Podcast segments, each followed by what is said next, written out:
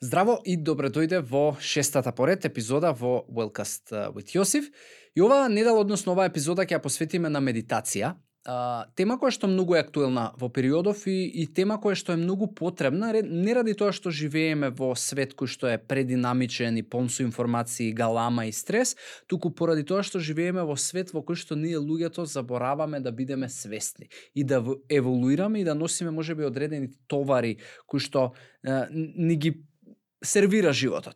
И а, денешниот гостин е Катерина Ангеловска, а, жена, автор, а, енергетски терапевт, а, човек кој што има големо искуство со медитации, човек кој што има големо искуство во личен развој и во работа со луѓе и ќе позборуваме со неа за еден поширок аспект на свесноста, на медитациите, како ние луѓето може би ја перцепираме медитацијата, кои ни се предрасудите, од каде да почнеме и така натаму, затоа што лично и за себе јас би сакал да ми одговори кате одредени прашања и направивме супер епизода во која што верувам дека ќе се инспирираш и ќе ти помогнеме да надминеш можеби одредени состојби пред се предрасуди кон медитацијата и да ја почнеш како еден а, процес во кој што ќе уживаш и ќе дојдеш до тоа само спознавање и до а, твојата лична свест. Така да уживај, гледај на YouTube, следи на можеби Google Podcast, Apple Podcast, Spotify и остави во коментар а, може би твое прашање или твој коментар и гледиште и се разбира. Им благодариме на а, Феникс, домовите за стари лица, без кои што оваа епизода и овој подкаст немаше да биде реалност. Уживајте.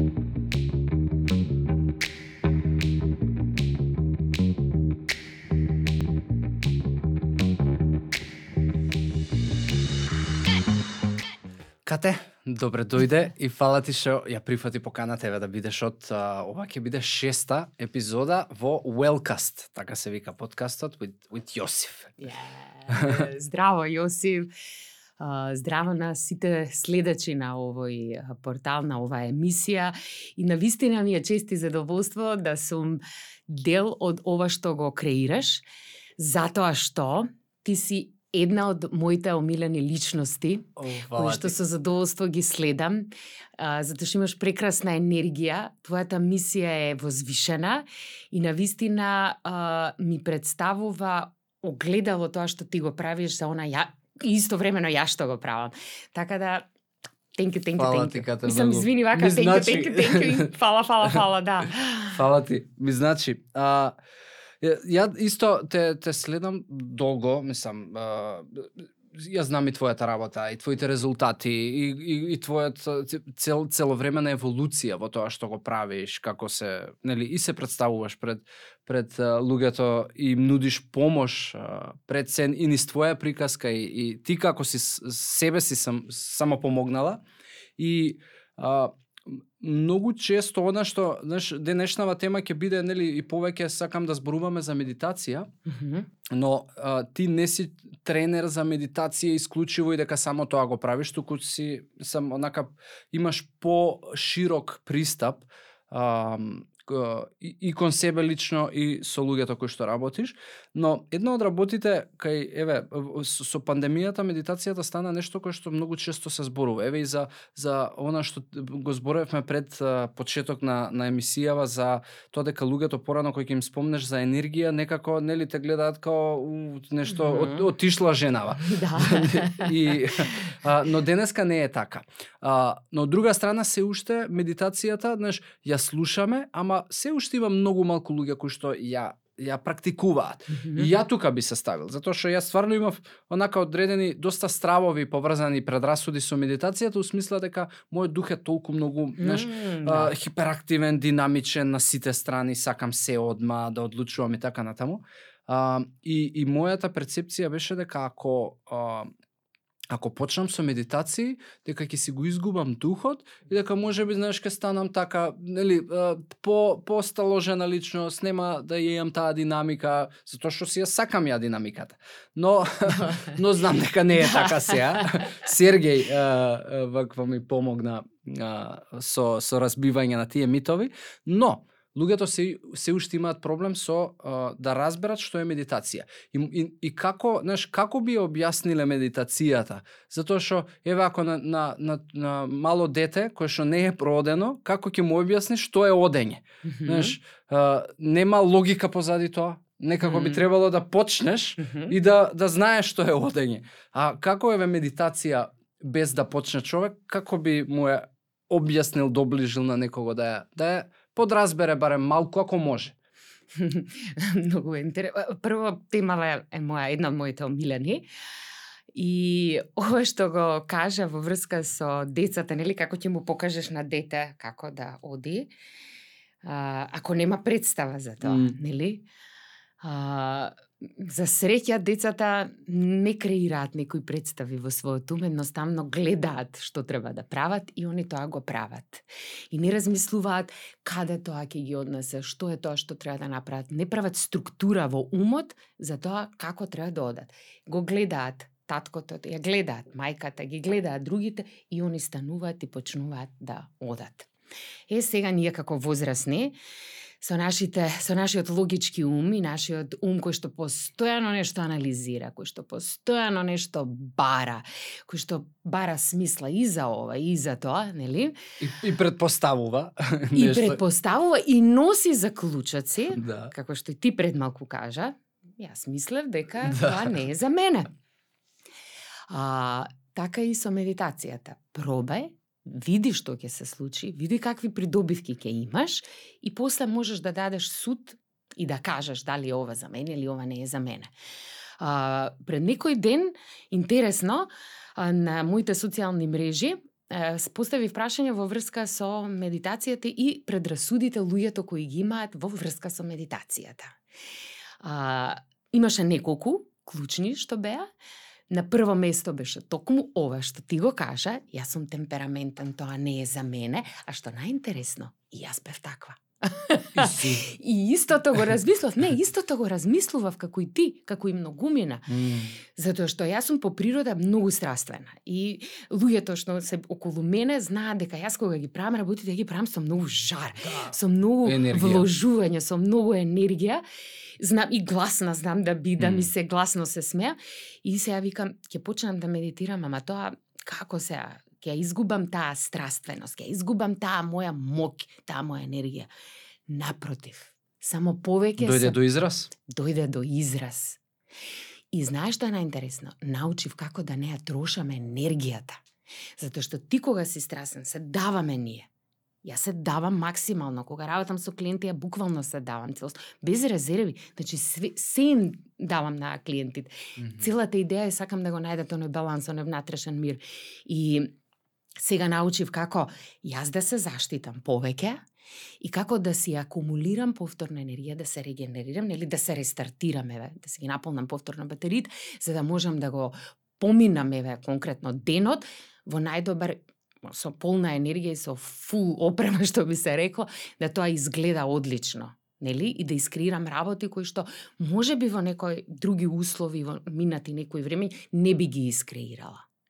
И тоа е една од големите придобивки што сум ги добила. А втора предрасуда која што беше доста а, изразена е поврзани со религиозните а, прашања. Да. Затоа што нели ке нас нашата религија него а, дозволува тоа еве како да кажам или е а, не не не е познато. Но јас само едно ќе кажам тука. Да не мешаме религија и да не мешаме спиритуалност. Едно со друго, ти ако си религиозен не значи дека си спиритуален и обратно. Да, многу луѓе, знаеш, ова исто ми беше дел од тоа што сакав и да го Мгм. да го зборнеме, знаеш, али добро што го начна за религијата, затоа што мене некако, знаеш, од секогаш ми било знам дека црквата, еве, јога и, и медитација се нели, тоа е да, на А као прво, Да. како си ти некој кој што промовира а, и, и зборува за прифаки различности, не шири омраза, а, а сега а ова, ама ова не. Ама Или ова не знам, или е, изборот Да. на тоа кој пол ќе го изберам, така тоа не. Или Мгм. како се чувствувам или или кого сакам, и, знаеш. И тоа ми се многу контрадикторни работи, можеби затоа знаеш, еве ја лично ја поише религијата ја гледам како како суеверие, него ли Мгм. као, знаеш, затоа што да религијата промовира вредности, ама некако луѓето кои што се лидерството во М. тоа некако не се Не, не знаат да се одлепат од тие од тие вредности. И што и, и, и баш супер што го спомнува. И што е конкретна веве предрасуда на луѓето? што спомна втората е, е, е религиозноста. Мгм, мгм. Црквата не го дозволува тоа. Ние сме христијани Мгм. и ние треба да се молиме.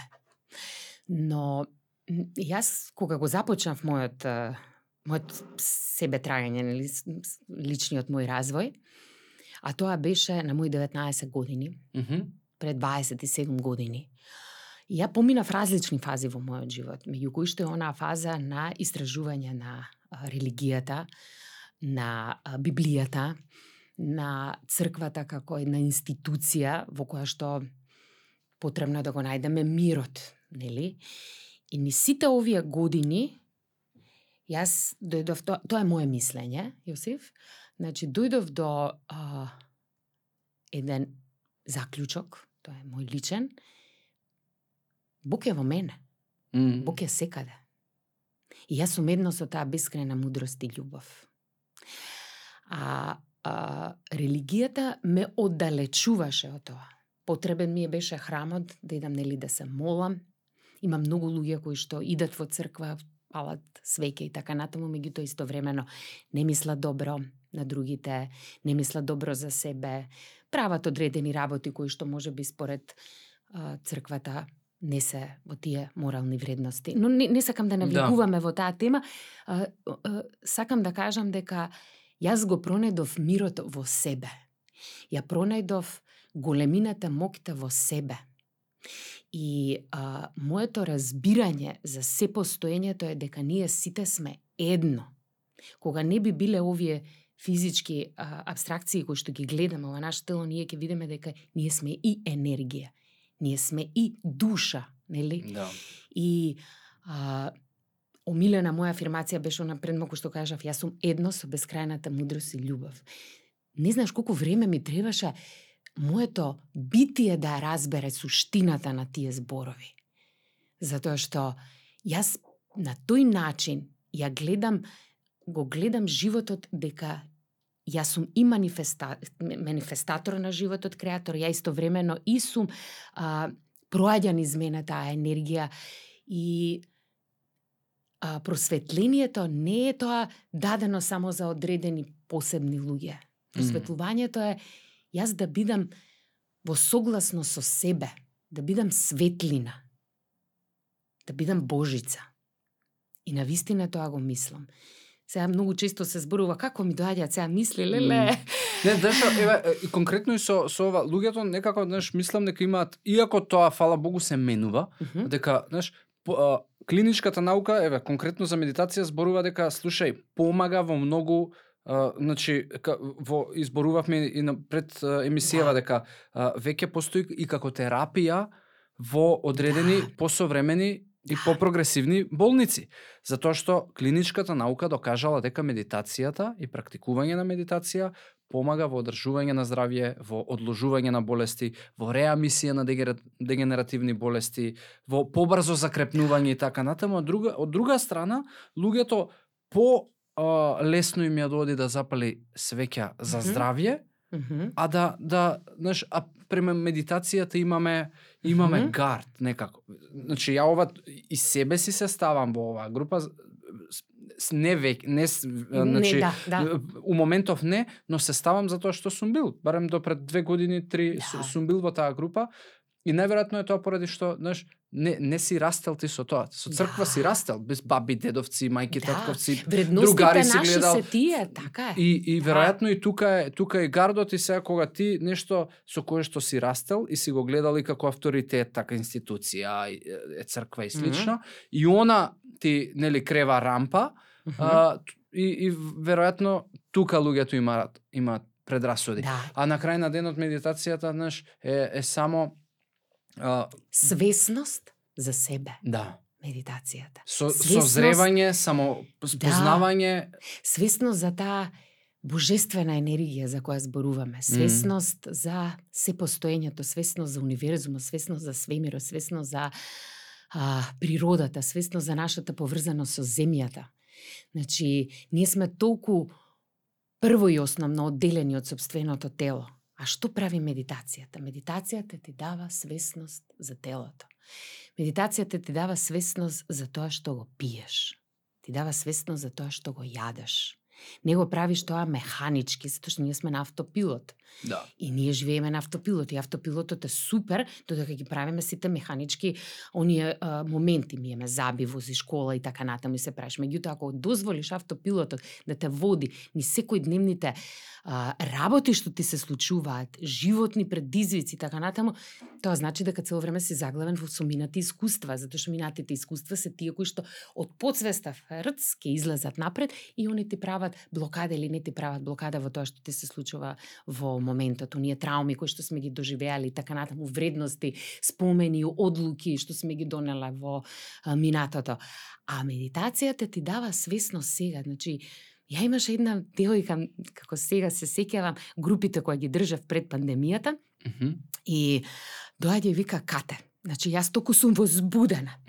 Сега што ќе правиме? Мене другарките ми кажа, како ја кажав дека доаѓам на медитација, сите ми викаат, леле, Кате, овој девојка сега да не го спомнувам името, а инаку не е Ката, вика, а, значи, а, може да забегаш, може да не се разбудиш, внимавај што ќе правиш таму. Ви какви предрасуди постојат ке луѓето. Ти кога затвараш очи, значи, ти се слушаш себе си, го слушаш собствениот здив, погледнуваш во тие мисли што се појав, појавуваат.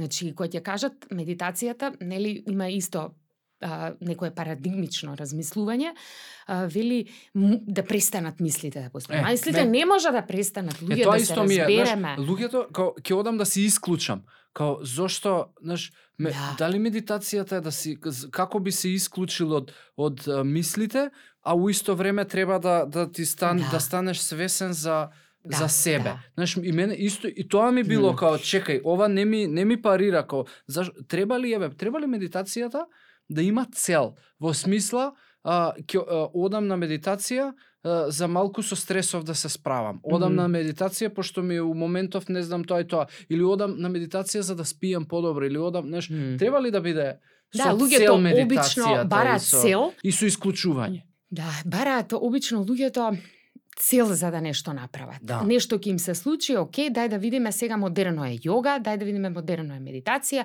што друго е модерно, ајде сега ова ќе го И правиме. правилен е тој пристап. Под негде да се почне. Да. и знаеш како интересно е што а, јас не медитирам сега со некоја цел, ја медитирам затоа што добро се чувствувам.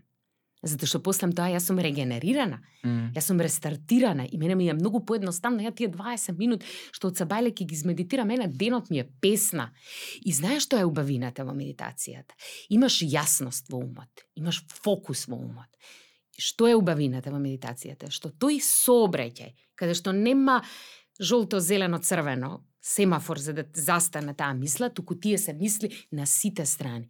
Со медитацијата тебе ти се спуштаат тие а, состојби, каде што, знаеш како, стануваш, тука сте со мислите. Обично мислите нас не притискаат цело време. Се имаш имаш можност да време. ги наблюдуваш Имаш можност да ги наблюдуваш.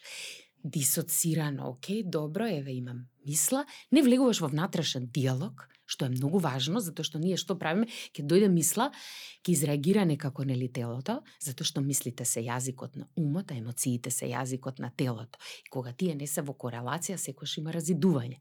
И затоа често пати луѓето ќе ми кажат, ката ти многу тоа збориш за позитивно размислување, а, не е само тоа туку така. Па нормално дека не е. Значи да не а, правиме а, драма од тоа. Битна е таа а, корелација, битно е тоа поврзување на тие две нешта. И а, потребна е таа смиреност во нашето тело и таа корелација помеѓу умот и, и, и телото. И медитацијата што прави? Медитацијата, она што кажа ти пред малку, дозволено ти е да ги наблюдуваш мислите. Доаѓаш до момент, после медитација и медитација, каде што нема мисли. И да има ти апсолутно не не ги приметуваш, они тука се, не е дека не се. Кога си во медитација може да ти дадат големи идеи. Да добиеш идеја за некој бизнис, да добиеш идеја нешто да направиш, да искреираш. Да создадеш. Како викал Никола Тесла, ја првен ги гледав работите во мојот ум М. и ги гледал како да ги изработи, а колку патенти постоеле во неговиот живот. И медитацијата била дел од неговиот процес на креирање и создавање. И јас се радувам што во денешно време од оваа дистанца, од како почнав јас да го работам пред 7 години, за медитацијата на вистина не се зборуваше. А јас почнав со оние водечки медитации. Водечка медитација кога некој друг те води. Јас има ке мене и на мојот а, YouTube канал и на мојата веб страна има водечки медитации, јас ги водам. Снимени се во студио со музика на 432 Hz. Тоа е фреквенција која што е фреквенција на природата и, и со која што нашето тело најдобро кореспондира. Мгм. И намерно ја ставив таа музика за да има целосен холистички пристап кога луѓето медитираат. И водечка медитација кога друго лице те води. Значи јас ја водам медитацијата и викам сега затворете очи, смирете го телото, доколку дојдат мисли во вашиот ум, не влегувате во внатрешен диалог.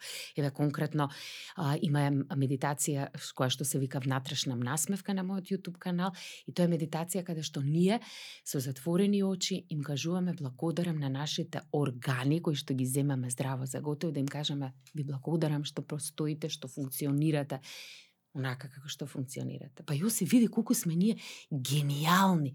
Не сме приклучени никаде. Да. А види како функционираме.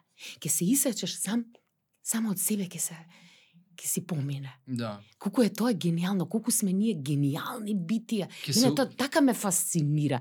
Толку секогаш се воодушевувам на она што го носиме како капацитет, да ми е секогаш mind blowing. Да, али види, ти веројатно имаш многу практикувано да Мгм. да е тишина, да нема галама во глава, Да. знаеш, затоа што овакви работи на, знаеш, да почнеш да си се фасцинираш од од од телово, Да. знаеш, и од се што те обкружува, а, треба, мислам, треба Треба време. треба време, треба свесност, треба работа и треба токму тоа, тишина, за Да. да мо, као не ти иде у галама и у хаос и у, и у а, немање корелација, емоции, Да. мисли на, на, на Така е. такви работи. Она што пред малку го кажа одлично беше, постојат денеска сериозни медицински истражувања, кои што веќе со факти, значи не збориме овдека, не измислуваме Не збориме за клинички Значи, со збориме толку луѓе се земени факти. тие болести, ова се случило, Да. еве ги резултатите у бројки, Да. не е... Науката си докажа Да. дека медитацијата, свесноста за собственото тело, за собствените мисли, прави сериозен, сериозен баланс на целото битие. И на умот, и на телото, и на духот, и на енергетско ниво, на какво и сакат те да замислите, нели? И а, а, сакаш нешто да, Да, кажеш? сакам да, те прашам за, знаеш, еве, пошто зборуваме се ќе го следат ова луѓе кои што, знаеш, можеби се упатени, можеби практикуваат, Да. ама најголем дел не Мгм. практикуваат факт е тоа. А, постои ли, еве, а, две прашања се. А, како е, знаеш, како е најдобро да се почне, Мгм, од каде? мгм. И второ прашање, постои ли некоја скала, пошто знаеш ние сме научени да све да мериме. Нели? Мгм, А, мгм. ако е вежбање, нели, правам 20 клика за толку време или правам ова за толку време Да. и така натаму ги дигам каква таквите жени. ова, да. Прв сум ова, втор сум ова, трет сум ова, имам толку пари, немам. И дали Да. во медитацијата постои скала кај што може да ме измери до кај сум стигнат, М. колку сум добар, уште Да. колку ми треба. Или тоа е тоа Ова е е многу добро што го кажа, затоа што често се случува клиенти да ми се јавете и Уште колку ми треба. исфрустрирани, исфрустрирани дека денот не им бил, дека не можеле да измедитираат, дека хаотичен бил денот, не знам, затвориле очи па глава ги заболело, па не можеле па галама има од околу, значи секакви можни ситуации може да се случат. Колку повеќе правиме, толку таа галама надворешна и внатрешна ќе престане да ни прави стрес и фрустрација. И мерливоста е токму во тоа. Колку ни е посмирен умот, и посмирено телото кога правиме медитација, кога сме во посмирена состојба, не те чеша ништо, не се фаќаш, па чекај да го видам телефонот што има, па таму некој збори па слушаш, па не знам некој куче лае надвор. И кога ќе нема да ти представува пречка и предизвик тоа од надвор, веќе можеш да се свртиш кон себе и веќе почнува онаа динамика на смиреност и насталоженост. И интересен момент е што ти кога медитираш и истовремено правиш репрограмирање на умот и истовремено правиш трансформација на енергијата во твоето тело. Зошто е ова важно? Ова е, ова е суштинско, особено кога збориме за трансформација на енергија. Затоа што ние живееме со сите трауми што ни се случуваат, и некои луѓе можат полесно да се а, справат со тоа, некои луѓе не можат да се справат. Се е индивидуално, но колку побрзо ја трансформираме таа енергија, толку подобро за нас. Зошто? Затоа што стануваме посвесни. Има една интересна приказна, сега ќе ја споделам овде, може нели? Да. А, сум ја кажувала и во други емисии, но сега мислам дека е идеална за Танзани и Кидо, двајца будистички монаси кои што живеат во манастир високо во планините, нели?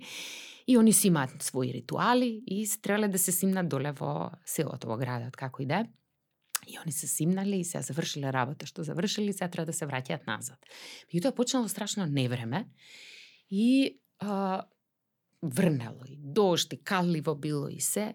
И на попатот како оделе догледале некоја девојка која што било облечена во убаво кимоно и сакала да помине од другата страна на патот, ама било калливо, а она убаво нели облечена.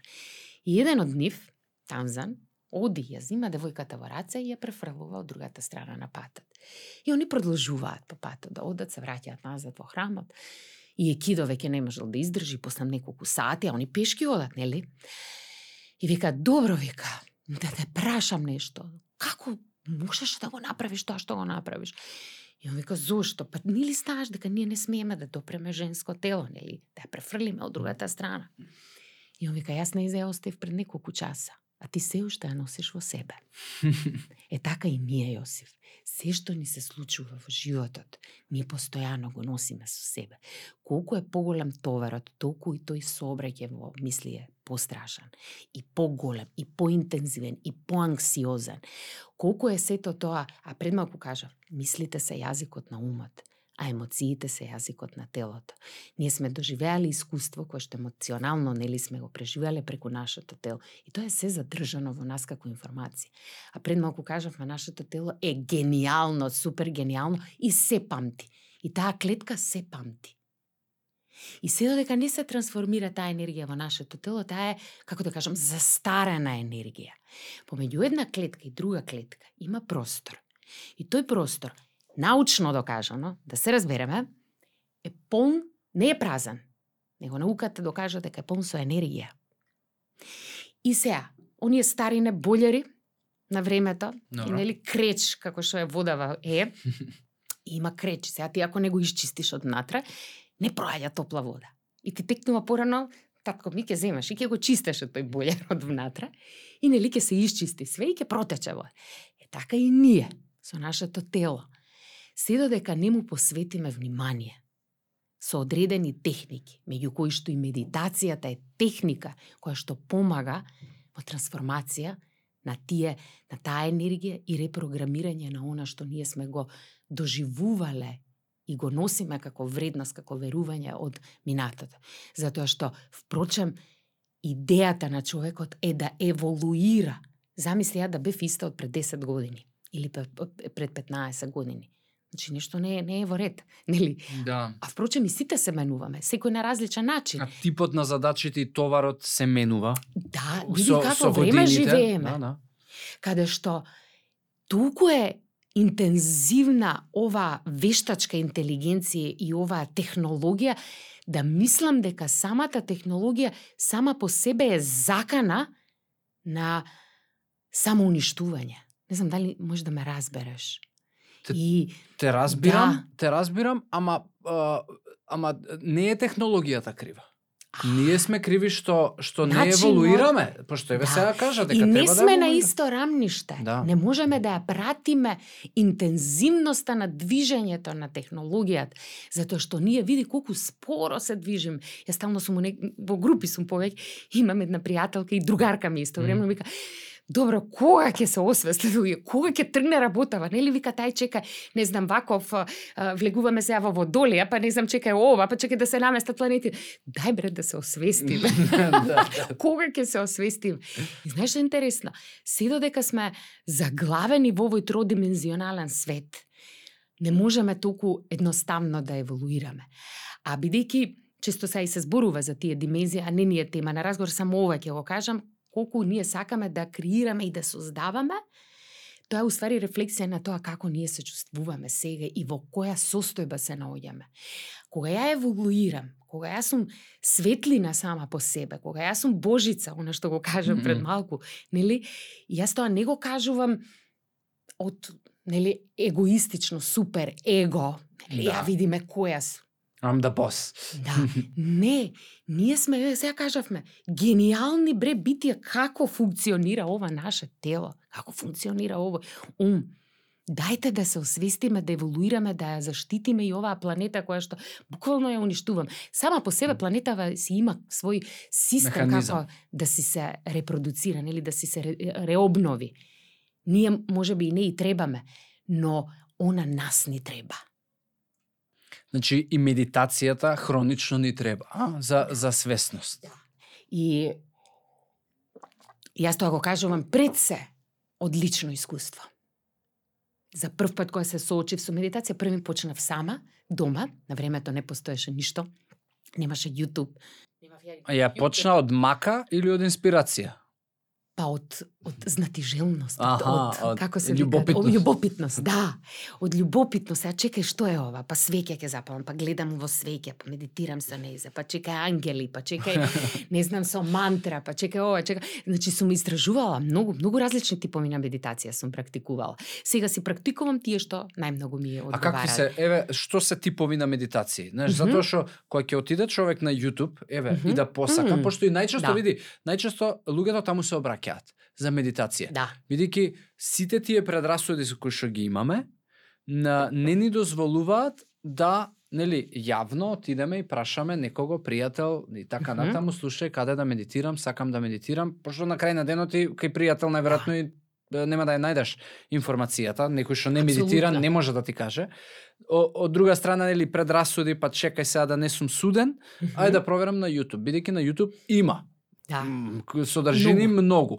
И, и еве, има од а, изведувачи и луѓе кои што водат медитации до нели различни а, о- онака нели а, а, преку преку песни и звуци да сам можеби си помогнеш со медитација и при тоа знаеш има за стрес, за анксиозност, мгм. за ова, за она што повторно мене ми прави конфузија као а, Да. знаеш не као ова е сега за знаеш оваа медитација не ти е за тоа што тебе ти треба као знаеш и тука тука ме буни Ш, како луѓето да не да да се снајдат ете у тој хаос и да препознае а, почин знаеш еве не знам ништо и сакам да почнам медитација од каде да почнам а да не се поулавам и избунам од Мгм. цело тоа море на на Информација. информации и содржини и медитации кои што ги има на YouTube. Да. А, може да ми се обратат мене. Па окей. да, тие што ме слушаат може да, да ми се Легитимно. обратат, да. Не, а, шала на страна. Не, еве некој на YouTube оди така, Да. не се обраќа, срам му Водечките, е. да, водечките медитации кои што самиот YouTube е преплавен се одлични за почетници.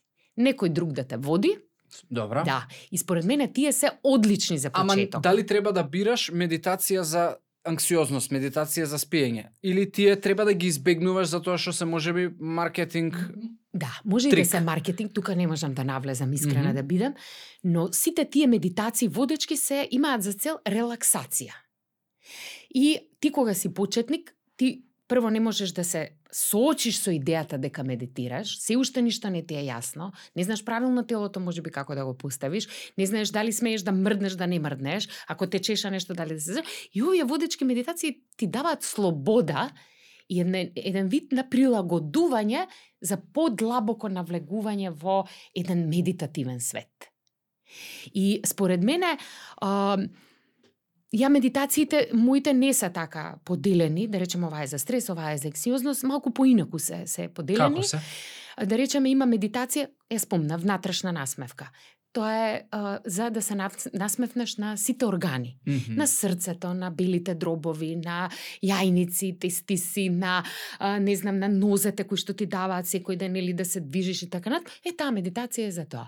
И сега ти рачуна, таа медитација може да те ослободи од стрес, може да те ослободи од анксиозност, ти даде една благопријатна положба, Практично, практично ќе ќе ти отклони можеби некое запушување кое што Да. го кажа кречот Да, ќе го да, тргне, можеби така твојот крече е, Да. на една позиција, на Да. друга една друга позиција, ама не значи дека е таргетирано. Сега медитирам за ова да го Да. таргетирам, туку Да. е а, Затоа што тоа бара посебен фокус, м, Тоа бара посебна посветеност, свесност за тоа каде си, кој е проблемот, каков е предизвикот со кој што Значи, се соочуваш. Значи има можност и да се таргетира од Па одредена. има можност, да, има можност. Ама е убаво кога те води и, и некој во целиот процес. И впрочем нека пробаат луѓето. Нема ништо да изгубат и нема Апсолутно. ништо страшно да се случи. Да, да. И знаеш што е убавината со медитацијата? Колку ти подолго медитираш, како што кажавме, добиваш поголема свесност за, за себе, за се постоењето и така натаму, после животот ти станува медитација. Ти си во еден баланс. Што тоа значи? Тоа значи дека додека мијам ја садови, сум во медитација, додека пливам сум во медитација, додека идам во планина сум во медитација, додека водам љубов сум во медитација. Ме разбираш? Тебе животот ти е во една поинаква димензија, каде што го имаш тој внатрешен мир, таа смиреност, го нема хаосот на мисли. Имаш чиста свесност. Кате спомна за мијам садови медитирам и така натаму. Дали не, и се имам едно прашање кое што јас често го користев како начин зошто јас не а, одвојувам време во денот кој што ќе биде посветено за медитација. И, Аха, и ја избегнувам. Да. Од стилот дека а, и, и, и јас стварно така се чувствувам со одредени активности у мојот ден. Например, а, неве, д- делови од мојата работа секојдневна ми прават чувство на на као мене ми е тотално може да ме исклучат и да сум присутен у моментот и да уживам во тоа што го правам. И некако ја тоа сум си го заменувал како нели а, посебно алоцирање на време, сега ќе медитирам. И постојат многу луѓе кои што наоѓаат можеби одредена активност, хоби и така натаму, кое што Е замена. е, е замена Еден за медитација, од типот сликање, плетење, да. знаеш, кај што си максимално фокусиран Е, моментот така, и си да. дали и, и тоа е добар можеби почеток или додаток како како Да. како ти го ти размислуваш на на на таа тема. Е, убаво кажа, да сликаш, на пример, Да. или да правиш некоја работа, да плетеш, да везеш. Ти се исклучуваш, така, и не мислиш на друго, само на тоа што го правиш. Не знам, црташ. И си присутен и и си и, тука. присутен да. и си свесен. Па тоа е медитацијата. Затоа и целата идеја е на медитацијата, да си присутен и да си свесен. Сега во денешно време многу често се зборува за тоа живење во сегашен миг, нели? Да. Сигурно си, си го слушнал секако. И а, тежината да живееш во сегашен кога знаеш често знае да ме прашаат добро кате што тоа значи ако живеам ја во сегашен миг Значи, а тоа минатото што се случило, а тоа што ќе биде уиднина, па сега како? Да, да планирам ја сега некои цели да имам, идеи, не знам, да запишам факултет или што и да. А, како тоа изгледа? Значи, да се живее во... Јас како го доживувам, нели тоа? Да се живее во сегашен миг, значи а, продлабочување на свесноста. Колку стануваш ти посвесен, толку ја трансформираш енергијата, ја оние минати искуства што исто што се што се случиле во нашиот живот, преку искуствата и преку медитацијата ние трансформираме енергијата и имаме поинаква свесност за сегашниот миг. И она што пред малку кажа. правиш ти нешто, нели? Тоа е за тебе замена за медитација, присутен си во тој момент и тоа е чиста свесност. Тоа е живење во сегашен миг. Ние не можеме цело време да сме толку сериозно свесни во сегашниот миг. Сепак живееме во еден ваков свет во кој што живееме, со три димензии. Имаме Да. минато, Тоа значи три димензии. Имаме минато, имаме сегашност и имаме иднина. Но да не дозволиме тие и минатото и иднината да ни представуваат а, една збунка во целиот процес. А збунка, зошто го кажам? Затоа што сега толку многу се зборува на овие теми и луѓето толку се фрустрираат и не знаат кај, кај да фатат пат. Има една многу голема мокна мисла на Лаоце и вели, луѓето кои што живеат во минатото се депресивни. Луѓето што живеат во еднината и цело време стрепат за нешто во еднината се анксиозни. Луѓето што живеат сега и овде се во мир mm. и спокој во баланс. А ние што сакаме? Ние сакаме да сме во баланс. Тоа е основното. Еве имаме две линии, еве да ги ставиме како mm. крст. Тука е кај што сакаме да бидеме, често знаеме да бидеме повеќе на оваа страна, на оваа, на оваа, но секогаш сакаме да бидеме во баланс. И медитацијата и таквите активности што предмалку ги кажа, кога правиш нешто со чиста свесност, присутно, со љубов, со исполнетост, со возвишеност, ти си во медитација и си во баланс. А, а времето еве а, не знам, практикува некој месец, два, три. Ти практикуваш што? И само ова да го кажам, да не ја заборавам реченица. Медитацијата е процесот. Е тоа. Да. Е Недостасуваше ум. Да. Ке го заборавев ако не го да. кажев, да. А ние продолжуваме да патуваме понатаму. Па може би и тоа е практично еве секој ќе супер што го кажа, може би и тоа е суштината зошто еве јас се се се чувствувам у одредени мои активности секојдневни као да медитирам. Mm -hmm. А во сми а, затоа што си, си уживам у процесот. Mm -hmm. И и сум си присутен и секогаш еве, а периодов изминативе две-три недели доста интензивно бев дефокусирам во во мислење на знаеш бр... сакав сакав многу одлуки да ги донесам брзо за да ми се открие што ќе се случува нели после тие одлуки mm -hmm. и и ми се случи а, да ја дож... ја прв пат уживав доживеав паничен напад mm -hmm. пред две недели ми се случи тоа и И ја мислев дојде готово судниот види, ден. Види телото и, како изреагира. Да, телото изреагира. Не, не ми се, не знаев што се случува. Значи, страшно беше искуството. Нели подоцна секој се навраќам што mm -hmm. се случило и, и нели малку и, и прочитав и така натаму.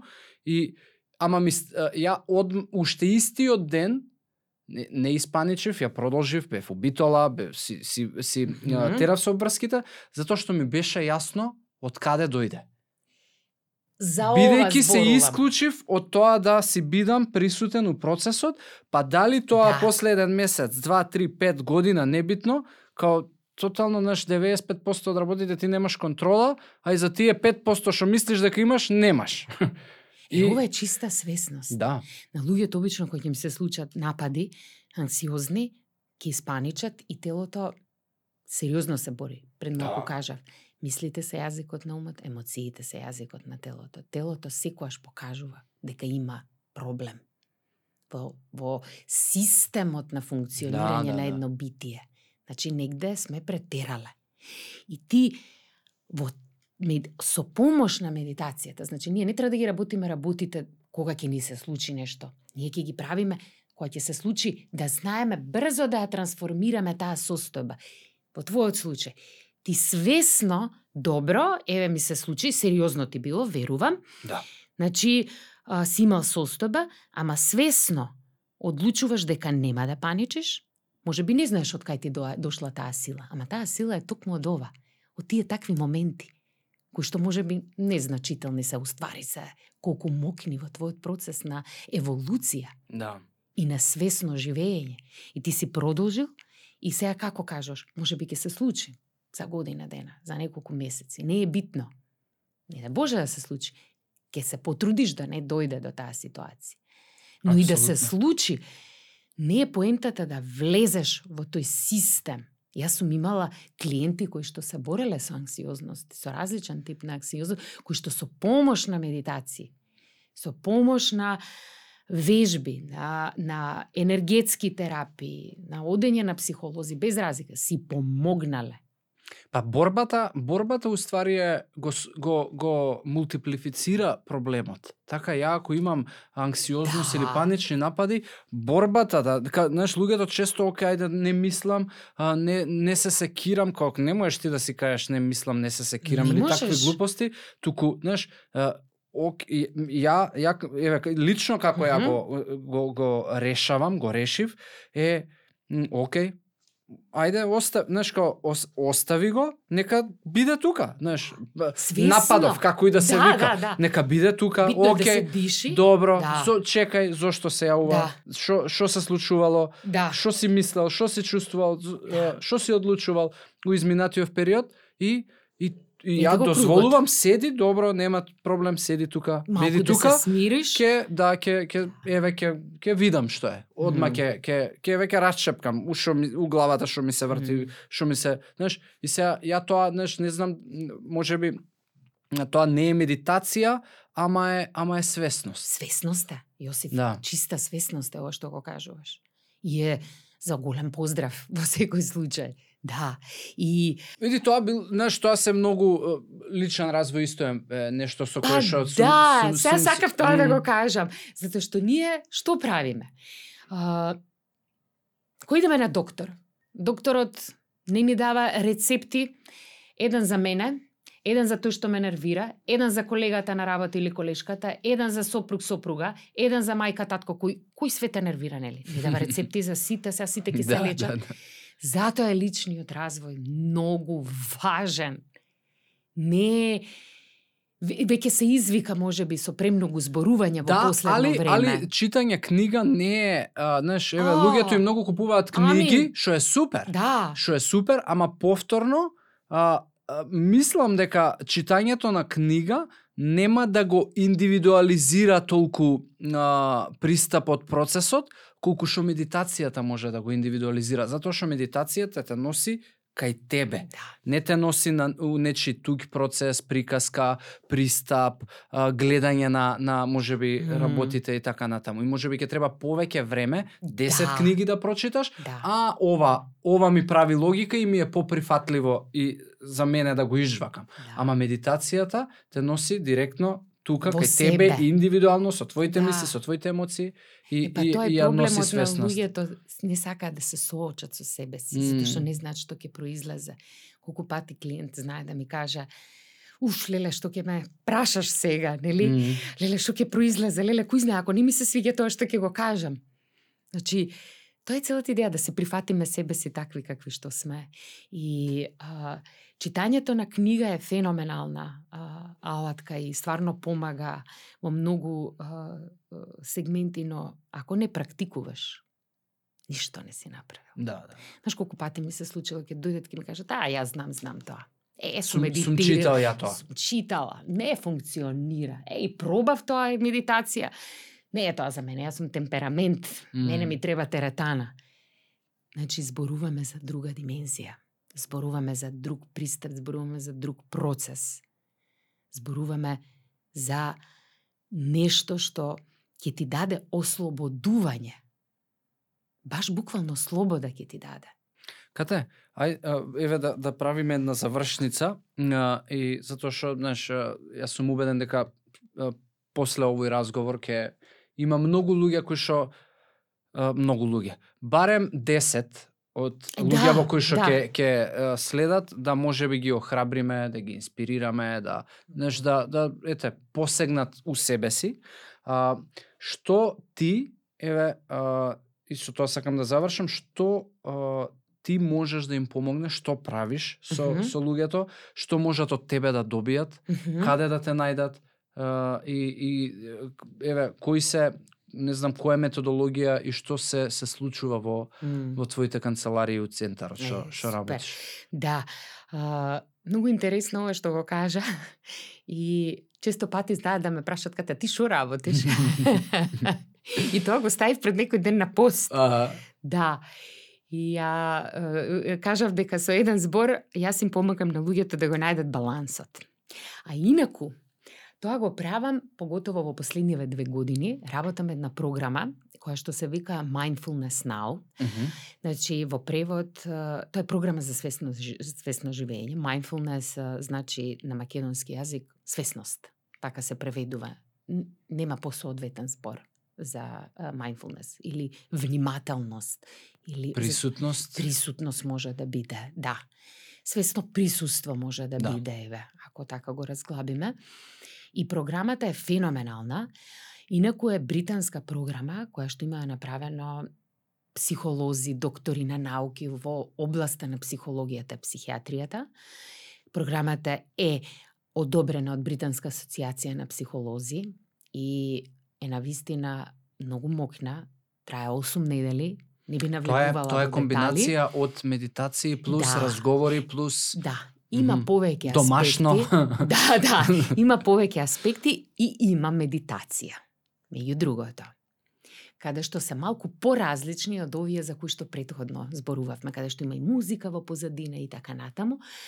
И а, целата идеја на програмата да после тие 8 недели личноста продолжи сама во процесот. Тоа ќе те прашував. Да. Знаеш, затоа што многу луѓе, еве, сите сакаме у рамка да ги ставиме работите, mm -hmm. ти треба 3 месеци за да ослабнеш. Или не, еве, 3 месеци 8, месец, 8 за недели. ова да го направиш, да. ама тоа не значи дека после да. толку да. завршува се. 8 недели е 8 недели за да научиш програмата. како доживотно да, да. така, тоа да. е идејата. Да доживотно, баш така, да продолжиш во процесот на свесно екзистирање и постоење во ова трод, во овој тродимензионален свет во кој што сега во овој момент се наоѓаме. И може да ме најдат на сите социјални мрежи, на Facebook, на Instagram, на LinkedIn, на Twitter.